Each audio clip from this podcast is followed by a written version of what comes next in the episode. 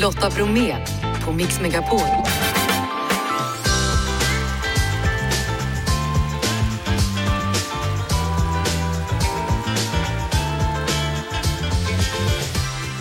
Hallå där och varmt välkommen in till oss denna måndag i dagens mix förutom en massa bra musik. Movember, det handlar om att stötta kampen mot prostatacancer, hör Oskar Magnusson och Sven-Ingvars som stöttar mustaschkampen. Jag rekommenderar en bra podd, idag Sjuka fakta. Vi kollar in vad händer nu efter Janne Andersson, vad händer med landslaget? Lasse Granqvist har vissa funderingar. Mycket NHL-hockey i helgen och igår premiär för Börje, The Journey of a Legend på Viaplay och idag gästar oss huvudrollsinnehavarna Walter Skarsgård och Hedda Stiernstedt. Som ni hör, fullspäckat som vanligt. Är du redo Krille? Ja! Jeff? Ja. Janne? Jamen! Då kör vi! Igår så hade den premiär, det har blivit den mest tittade originalserien faktiskt på Viaplay. Det handlar om Börje, the legend creating of, nu ska vi se, kan jag få det rätt här? Kan någon hjälpa mig? The Journey of a Legend. The Journey of a Legend, precis, tack så mycket. Och välkomna hit Walter Skarsgård som spelar Börje och Hedda Stiernstedt som spelar Börjes fru, första fru, Margita Wendin. Tack. Tack.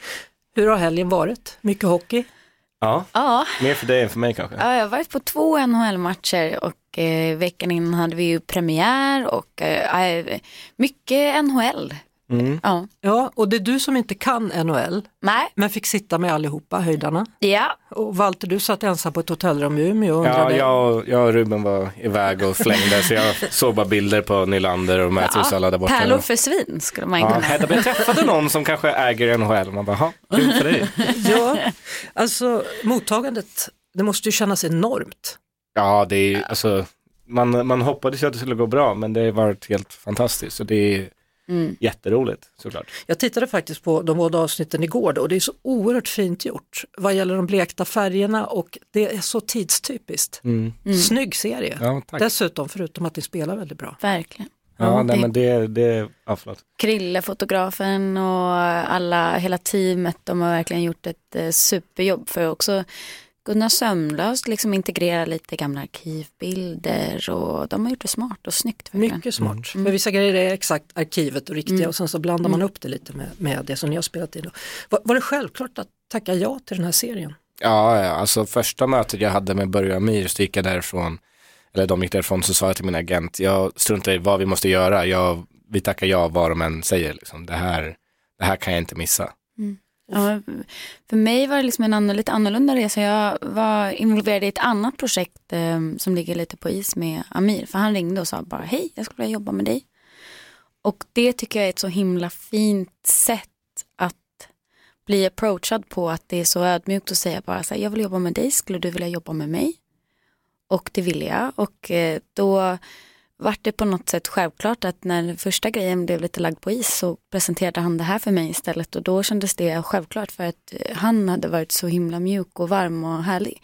Och sen så efter att ha träffat Walter och sådär och gjort en liten kemitest Test. så kändes, kändes det fruktansvärt och jag var tvungen att säga Du var nej. tvungen att nej. tvinga in Nej men så kändes allting så himla bra. Så att på något sätt så jag, jag sa ja till personerna först kan man väl säga. Mm. Men du, här, är det sant att du numera har ett lönnlöv intatuerat? Ja, Var är det någonstans?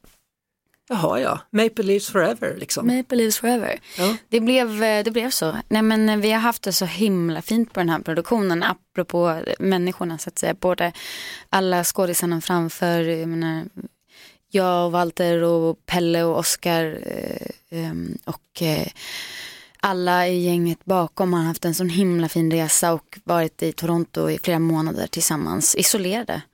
Eh, och eh, börjat tycka om varandra väldigt mycket så det kändes naturligt på något sätt att göra någonting för att symbolisera den resan. Eh, inspelningen då, om vi pratar lite om den.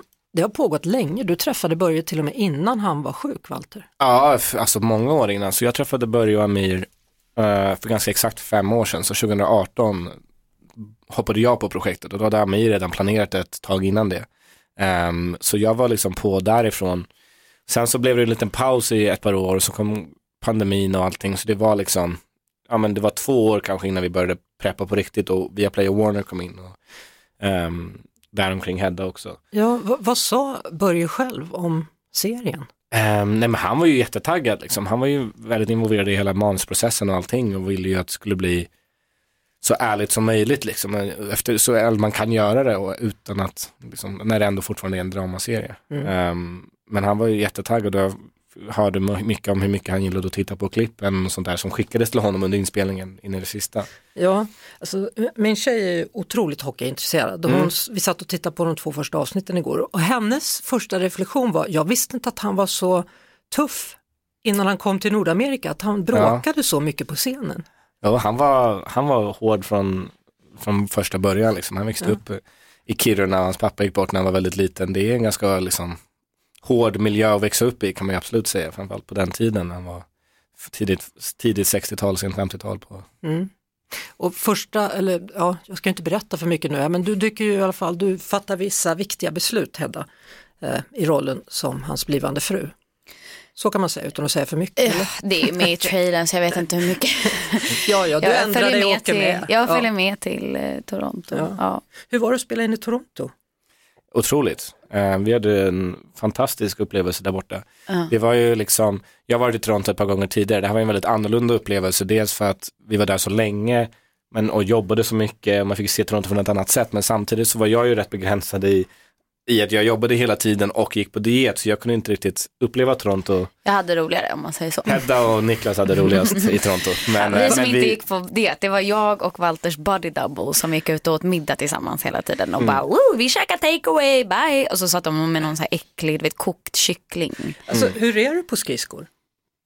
ehm, jag är helt okej. Ja. Ändå. Men ändå hade du, eh, åkte body double skridskor eller var det du som gjorde det själv? Både och. Så alltså så här, Um, det, det är lite komplicerat men, men grejen är, jag, jag kunde inte åka skridskor alls och sen så under de här två åren så lärde jag mig då åka skridskor och spela hockey och allting från grunden. Um, och kom väldigt långt jämfört med vart vi började men kanske inte tillräckligt långt för att vara en av de bästa hockeyspelarna i världshistorien. Um, så där någonstans möttes jag och Niklas, min body double, i att Alltså oftast, de flesta grejerna vi gjorde är att man har en matchsekvens där vi har en hel koreografi för alla som, som är på isen. Som våra väldigt, väldigt duktiga koordinatorer hade satt upp. Och då övar vi in det, vi hade en hel vecka i Norrköping innan vi började filma då vi bara lärde oss alla koreografier. Och då var det ofta så att Niklas gjorde kore- hela koreografin x antal gånger och sen gjorde jag exakt samma koreografi och så filmar de det på, på olika sätt så har de så mycket material de vill från oss båda. Och sen om, de, om det är så, ah, men den där svängen såg inte tillräckligt bra ut när Walter gjorde, då har de Niklas som kan göra den. Eller det där var inte riktigt tillräckligt snabbt eller smidigt. Hedda, hur mycket fick du åka skridskor då? Inte ett enda så dugg. Snarare tvärtom, att jag var som så här, åh men vad kul, kan inte jag också få en skridskolektion någon gång? Så där. Och då sa de absolut inte på grund av försäkringsfrågor. Jaha, ja. Så ja. Mm. Kanske Alltså- lika bra. Eh, jag- Jag återkommer ändå lite grann till, till eh, Börje. När du var med honom där, Mm. var du också med eller var det? Eh, Jag var inte med på första vändan men Nej. jag var ju med när han kom och hälsade på. Och då gick vi ju på hyllningsmatchen och, och, och var med hela familjen. Och då var ju Margitta också på plats. Alltså hur stor är han? Kan man förklara det? Nej. Gigantisk. Ja, alltså larger than life, Elvis Presley liksom. Det är svårt att förstå tror jag hur stor han faktiskt är där när man går liksom på gatorna och sådär. Folk känner ju igen honom direkt och alltså, han har ju en staty där. För mig var det väldigt viktigt att vi var i Toronto just för att också förstå hur, hur, vilken legend han också är där. Nästan ännu mer än här på något sätt. Alltså verkligen gå med Elvis längs gatan ner. Han är väldigt älskad alltså. Ja men helt otroligt, alltså Toronto är ju hans stad och han är Torontos kung liksom.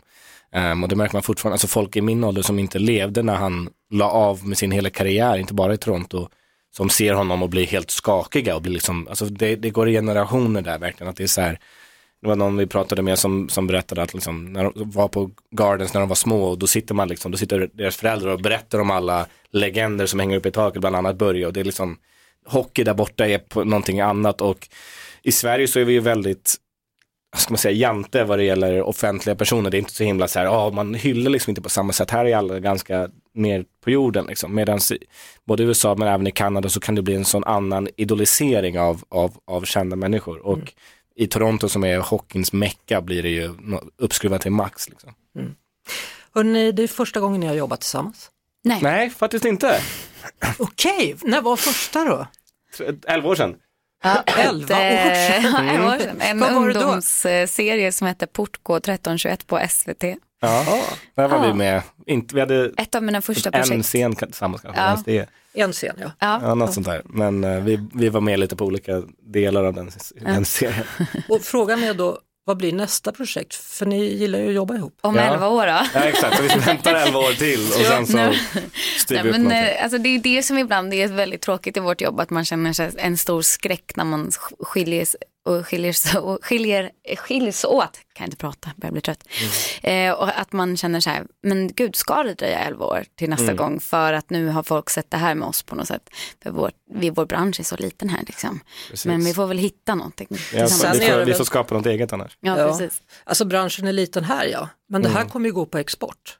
Exakt. Mm. Så Så, att, vi, får, eh, vi får börja jobba utomlands tillsammans också. helt Ja, det är väl det det blir. Hollywood nästa. Ja. Då vill de säkert göra en amerikansk version av allt ja, men exakt. Vi, Så vi, spelar, vi spelar samma roller i den amerikanska serien om Börje Sandberg också. Hörrni, stort tack för att ni kom hit, Hedda Stiernstedt och Walter Skarsgård. Tack så mycket. Och missa nu inte serien då, Börje The Journey of a Legend på Viaplay. Lotta Bromé på Mix Megapol. Igår så blev det 2-0 till Sverige mot Estland och lite av heden tillbaka då. Och eh, Lasse Granqvist, det här var Janne Anderssons sista match. Hur summerar du hans tid som förbundskapten? Vi behöver göra det med två tankar i huvudet samtidigt. Dels miraklet i Milano, november 2017, Sveriges avancemang till VM 18, kvartsfinalplatsen där mot England, även framgången i, i det nästkommande Europamästerskapet sen. Det andra eh, är såklart att det slutar ju inget bra. Det var ju mer eller mindre så att vi bara hoppades att de här landskamperna nu äntligen skulle och EM-kvalmatcherna skulle passera så vi fick börja koncentrera oss på det nya. Två missade slutspel då. Nu, tänker jag, finns det tid att bygga ett nytt lag? Ja, alltså det är ju intressant det här med förbundskapten för det är ju väldigt viktigt såklart den som ska leda laget, ta ut spelarna, ha en spelidé och så vidare. Sen är det klart att det är ju faktiskt upp till det innehållet vi har när det gäller spelare i svensk landslagsfotboll och vad de kan prestera. Men jag tror både du och jag kan vara överens om att visst känns det som att de skulle kunna lite bättre i alla fall än, än det som har varit fallet under slutet av Janne Anderssons och Peter Wettergrens era. Och nu börjar ju folk då spekulera, vem ska det bli? Kan det till och med bli sådana kända namn som Olof Mellberg, Henke Larsson eller Fredrik Ljungberg? Vad tror du? Vem vill du se? Det är ett ganska viktigt beslut det här för en ny ordförande, Fredrik Reinfeldt, eh, för en ny generalsekreterare, Andrea Möllerberg. Deras val av förbundskapten för svensk herrlandslagsfotboll är så att säga lite viktigare och större än vad det generellt sett kanske hade varit om det, om det varit någon som hade suttit där längre. Jag tror det är ganska viktigt att en svensk förbundskapten kan svensk förbundsstruktur, svensk riksidrottsförbund, Svenska fotbollförbundet och liksom hur det fungerar att vara en folkrörelse, en medlemsägd folkrörelse. Så de här spekulationerna om utländska namn, frågetecken. Du säger några spelare, absolut, men det kanske behövs någon som är lite kunnig också. I och för sig, Olof Mellberg har ju varit eh, tränare på rätt hög nivå får man ändå säga. För tillfället laddar inför kvar med Brommapojkarna. Fredrik Ljungberg har varit tränare också, så det finns ju såklart den delen i det. Men jag tror ändå att någon som har mer erfarenhet av att coacha och leda landslag, Håkan Eriksson är mitt namn, tillsammans med någon av de spelarna du nämnde. Var finns han nu, Håkan Eriksson? Färöarna. Han, han, har, han har ju de här spännande båtresorna till någon av de färöiska öarna där varje gång det är match. Va? Så att är det lite för stor sjögång får de ställa in matcherna. Jag hörde igår då den nya generalsekreteraren Andrea Möllerberg säga att vi behöver kanske en annan typ av ledare nu för att fotbollsspelarna vi har att välja bland in i ett landslag, de spelar på lite annorlunda sätt än som var fallet för åtta år sedan. Jag tycker det är spännande. Andrea Möllerberg är också ett spännande namn som generalsekreterare. Det ligger lite grann utanför vad vi generellt sett har sett att leda eh, ett eh, fotbollsförbund. Så det tycker jag är spännande att hon då också är med, alldeles påtagligt med i den här processen, såklart. Och igen, det är ett viktigt namn som ska väljas av generalsekreterare Möllerberg och ordförande Reinfeldt. Och jag pratar ju lite grann emot mig själv här. Du är ju skarp Lotta, så det var din följdfråga. Jag säger i ena stunden att jag vill ha någon som kan svenskt föreningsliv och liksom förbundsliv. Och i nästa stund plussar jag för Andrea Möllerberg som ju, som ju är lite mer spretande. Men livet är sånt Lotta, man har inte, allting passar inte i samma handske alltid. Nej, men är våra spelare annorlunda än tidigare tycker du? Om vi tittar på de som har blivit proffs utomlands. Jag tycker det är spännande det Dejan Kulusevski sa efter någon av de här kamperna som har varit tidigare, matcherna tidigare här när det gått dåligt för Sverige.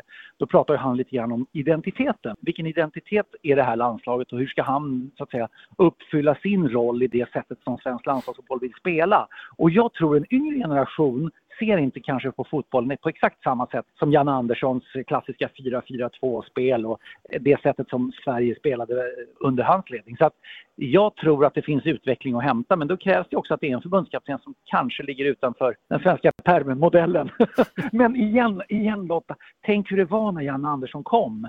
Han har ju inte ändrat sin spelidé från det att han kom och gjorde succé till det att han nu lämnar ett landslag som ju har mycket frågetecken kring sig. Ja du, mycket känslor har han i alla fall, Jan Andersson, och det tycker jag han ska ha ett stort plus för. Ja men visst är det så och det, det slutade inget bra men å andra sidan är det ju så med landslaget att det har ju varit upp och ner mest hela tiden. Jag menar, vi kommer ju ihåg en ganska dyster tid på 80-talet när, när det var väldigt långt mellan mästerskapen för svensk landslagsfotbollsdel. Så att det här kommer att lyfta igen och det har alla möjligheter att göra det och jag tycker det är ett ganska spännande landslag Sverige har måste jag säga. Så att mot nya framgångar. Mot nya framgångar, stort tack Lasse Granqvist. Hej då! Hej då! Podplay. Hörrni, det är måndag och det betyder att jag har hittat en ny kul och intressant podd på Podplay. Och den här gången heter podden Sjuka fakta och går igenom olika hälsorelaterade myter. Eh, välkommen Simon Körisö, läkare, hälsopedagog och den som är bakom den här podden. Tack för att jag var här. Du, varför har du valt att ta dig an hälsomyter? Lång historia kort är väl att jag jobbade kliniskt på gyn och förlossning på Danderyd och insåg att det fanns en del myter som cirkulerade och tänkte att jag skulle bidra till utbildning till patienterna. Och eh, utifrån det så kom liksom första poddavsnittet med en av mina överläkare kan man säga. Och sen så vetskapen om att det fanns andra ämnen som kunde bemötas också så växte det där på därifrån. Vi ska ta och lyssna på en då från programmet. Det här är Erik Melén som ska förklara lite om vad allergi faktiskt är. På något sätt så reagerar kroppen immunologiskt och då menar jag med celler och med proteiner, antikroppar som leder till en reaktion. För vi på något sätt vill kroppen försvara sig. Och det här är någon slags felprogrammering kan man tänka, för de här ämnena är ju inte farliga. Där hörde vi Erik Melén, en av dina poddgäster. Då. Du, en sak som jag tänker på när jag hör om allergi, det är det här som ofta händer på plan, att man inte får ha med sig nötter. Mm. Ja, särskilt jordnötter då, om nu någon är allergisk mot det. Luftburen jordnötsallergi, finns det? Ja, det gör det, är väl det korta svaret. Det brukar ibland vara lite olika uppfattningar kring det där, men vetenskapen och Erik med flera verkar påstå att det finns. Sen blir ju förlängningen av den frågan, är det farligt då? Kan du utveckla en allvarlig allergisk reaktion? Och där har man aldrig kunnat visa att det gör det. Så att eh, där är svaret kanske mer ett nej. Så det är lite mer säkra för det osäkra man gör då när man förbjuder jordnötter på planet? Ja, det tror jag, om jag får spekulera fritt. Men samtidigt tror jag också att det hos de som har upplevt en allvarlig allergisk reaktion kan vara väldigt obehagligt, bara vetskapen att det finns i närheten. Och då kan man ju få ångest och pulspåslag och illamående och sådär. Så att man kan väl undvara dem den obehagskänslan just under flygresan kanske. Stämmer det att en del människor kan vara allergiska mot röda saker? Ja, vissa röda ämnen, frukter, bär verkar vara fallet och ofta med de allergierna som Erik också berättar om i vårt samtal som jag också fick lära mig mycket kring är ju att kroppen reagerar på vissa proteiner och då verkar det för röda saker finnas vissa särskilda proteiner som kroppen inte tycker känns bekanta. Då. Vad är det vanligaste som vi är allergiska mot? Eventuellt om jag uppfattade rätt så är pollen, i alla fall i Sverige, extremt vanligt. Alltså det är någonstans mellan en fjärdedel och en tredjedel av alla, alla människor i olika grad. Då. När jag ändå har det här så måste jag fråga, har vi blivit mer allergiska efter pandemin? efter pandemin vågar jag nog inte svara på, men över generationerna verkar vi ha blivit det. Det verkar finnas en skyddsfaktor i att växa upp på bondgård eller där det finns lite fler, vara ute med skit under naglarna så att säga, om man ska tala franska där vi idag när vi lever mer kliniskt kanske inte utsätter immunförsvaret tidigt för lika mycket belastning. Och det är väl samma då under pandemin, för där gjorde vi inte det heller eftersom vi satt hemma och Ja, i sak har du ju rätt, men sen måste jag erkänna att jag kan lite för lite om hur det under de två, tre åren skulle påverka allergin hos individen. Men det är nog inte omöjligt. Men där måste jag nästan fråga, fråga en vän som de säger på Postkodlotteriet. ja, det är bra. Eh, nästa avsnitt då kommer ut imorgon. Vad handlar det om? Avsnittet eh, som kommer nu handlar om longevity, heter det. det är väl egentligen att leva längre som är ett stort forskningsområde i världen och som intresserar många. Så allt ifrån stämmer det att eh, kallbad och fasta gör att vi förlänger våra liv på individnivå?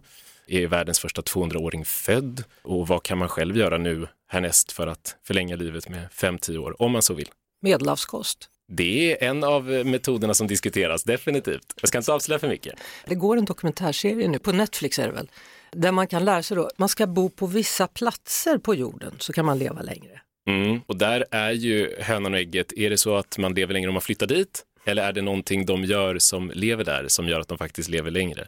Och jag har faktiskt sett den där dokumentären och den är väldigt intressant, kan rekommendera. Sen är frågan om den svarar på alla frågor eller inte. Men intressant är den definitivt. V- vad heter den? Det- Ja, alltså, det är ju blåzoner man talar om. Nu kommer inte jag ihåg om den heter Jo, Blue jag Zone. tror den gör det förstår du. Blue Ja. Zones. Och det går vi faktiskt också igenom om man är lite sugen på. Ja, Det men vad kul. Det är en bra dokumentär. De har verkligen lagt ner mycket arbete på den. Verkligen. Ja, de träffar ju folk från hela världen och försöker hitta de kärnorsaker och faktorer som gör att man lever lite längre än sina grannar. Tack så mycket Simon Körresö för att du gästade Mix Megapol. då. Och podden Sjuka fakta hittar du på podplay.se eller i podplayappen och nya avsnitt kommer varje tisdag.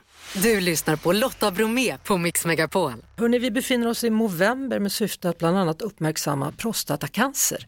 Oskar Magnusson och Sven-Ingvars har specialskrivit en låt för ändamålet och Oskar med oss nu. Hur ser det ut med din mustasch då? ja, men den är på plats fast tillsammans med övrigt skägg. Du Oskar, precis som jag så förlorade du din pappa då i kampen mot prostatacancer. Sven-Erik blev 74 år gammal. Det är väl självklart det som gör att du engagerar dig i det här? Ja, det blir ju självklart att, att jag har tagit mina erfarenheter med pappas sjukdomsbild och hela den upplevelsen eh, som det är och man får vara med om, om saker eh, som man inte vill vara med om egentligen. Men, men som anhörig, eh, och det var det ledordet jag fick egentligen för att skriva den här låten, för den har ju en ganska allmängiltig sida som handlar om det många känner igen sig i. Du har sagt att den här saknaden kan skifta i ton. Det är någonting som är väldigt hoppfullt för mig.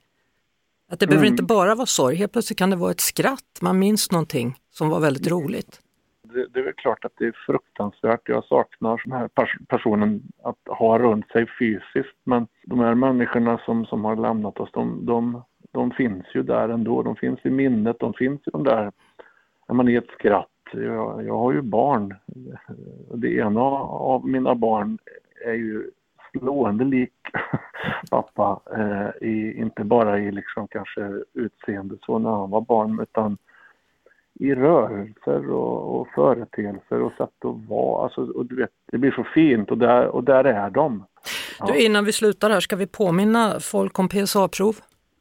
Men det ska vi göra. Gå och ta det. Det räddar liv. Jag vet inte vad det är med män ibland men, men eh, gå iväg. Ja. och gör detta. Det är liksom inget att, inget att prata om. Det är ett blodprov. Vi lyssnar väl på låten då, Oskar. Du finns alltid kvar. Ja men vi gör det. Tack för nu, så hörs vi Tack. framöver. Ja Ja, men det gör vi. Kram på dig. Hej. Kram, kram. Erik Myrlund tar snart över. Vi som säger att du ska ha en trevlig kväll, det är Janne, Jeanette, Krille och Lotta samt vår producent Jeff Neumann. Vi hörs igen imorgon efter 16. Ett poddtips från Podplay. I fallen jag aldrig glömmer djupdyker Hasse Aro i arbetet bakom några av Sveriges mest uppseendeväckande brottsutredningar. Går vi in med hemlig telefonavlyssning och, och då upplever vi att vi får en total förändring av hans beteende. Vad är det som händer nu? Vem är det som läcker? Och så säger han att jag är kriminell, jag har varit kriminell i hela mitt liv men att mörda ett barn, där går min gräns. Nya säsongen av Fallen jag aldrig glömmer på Podplay.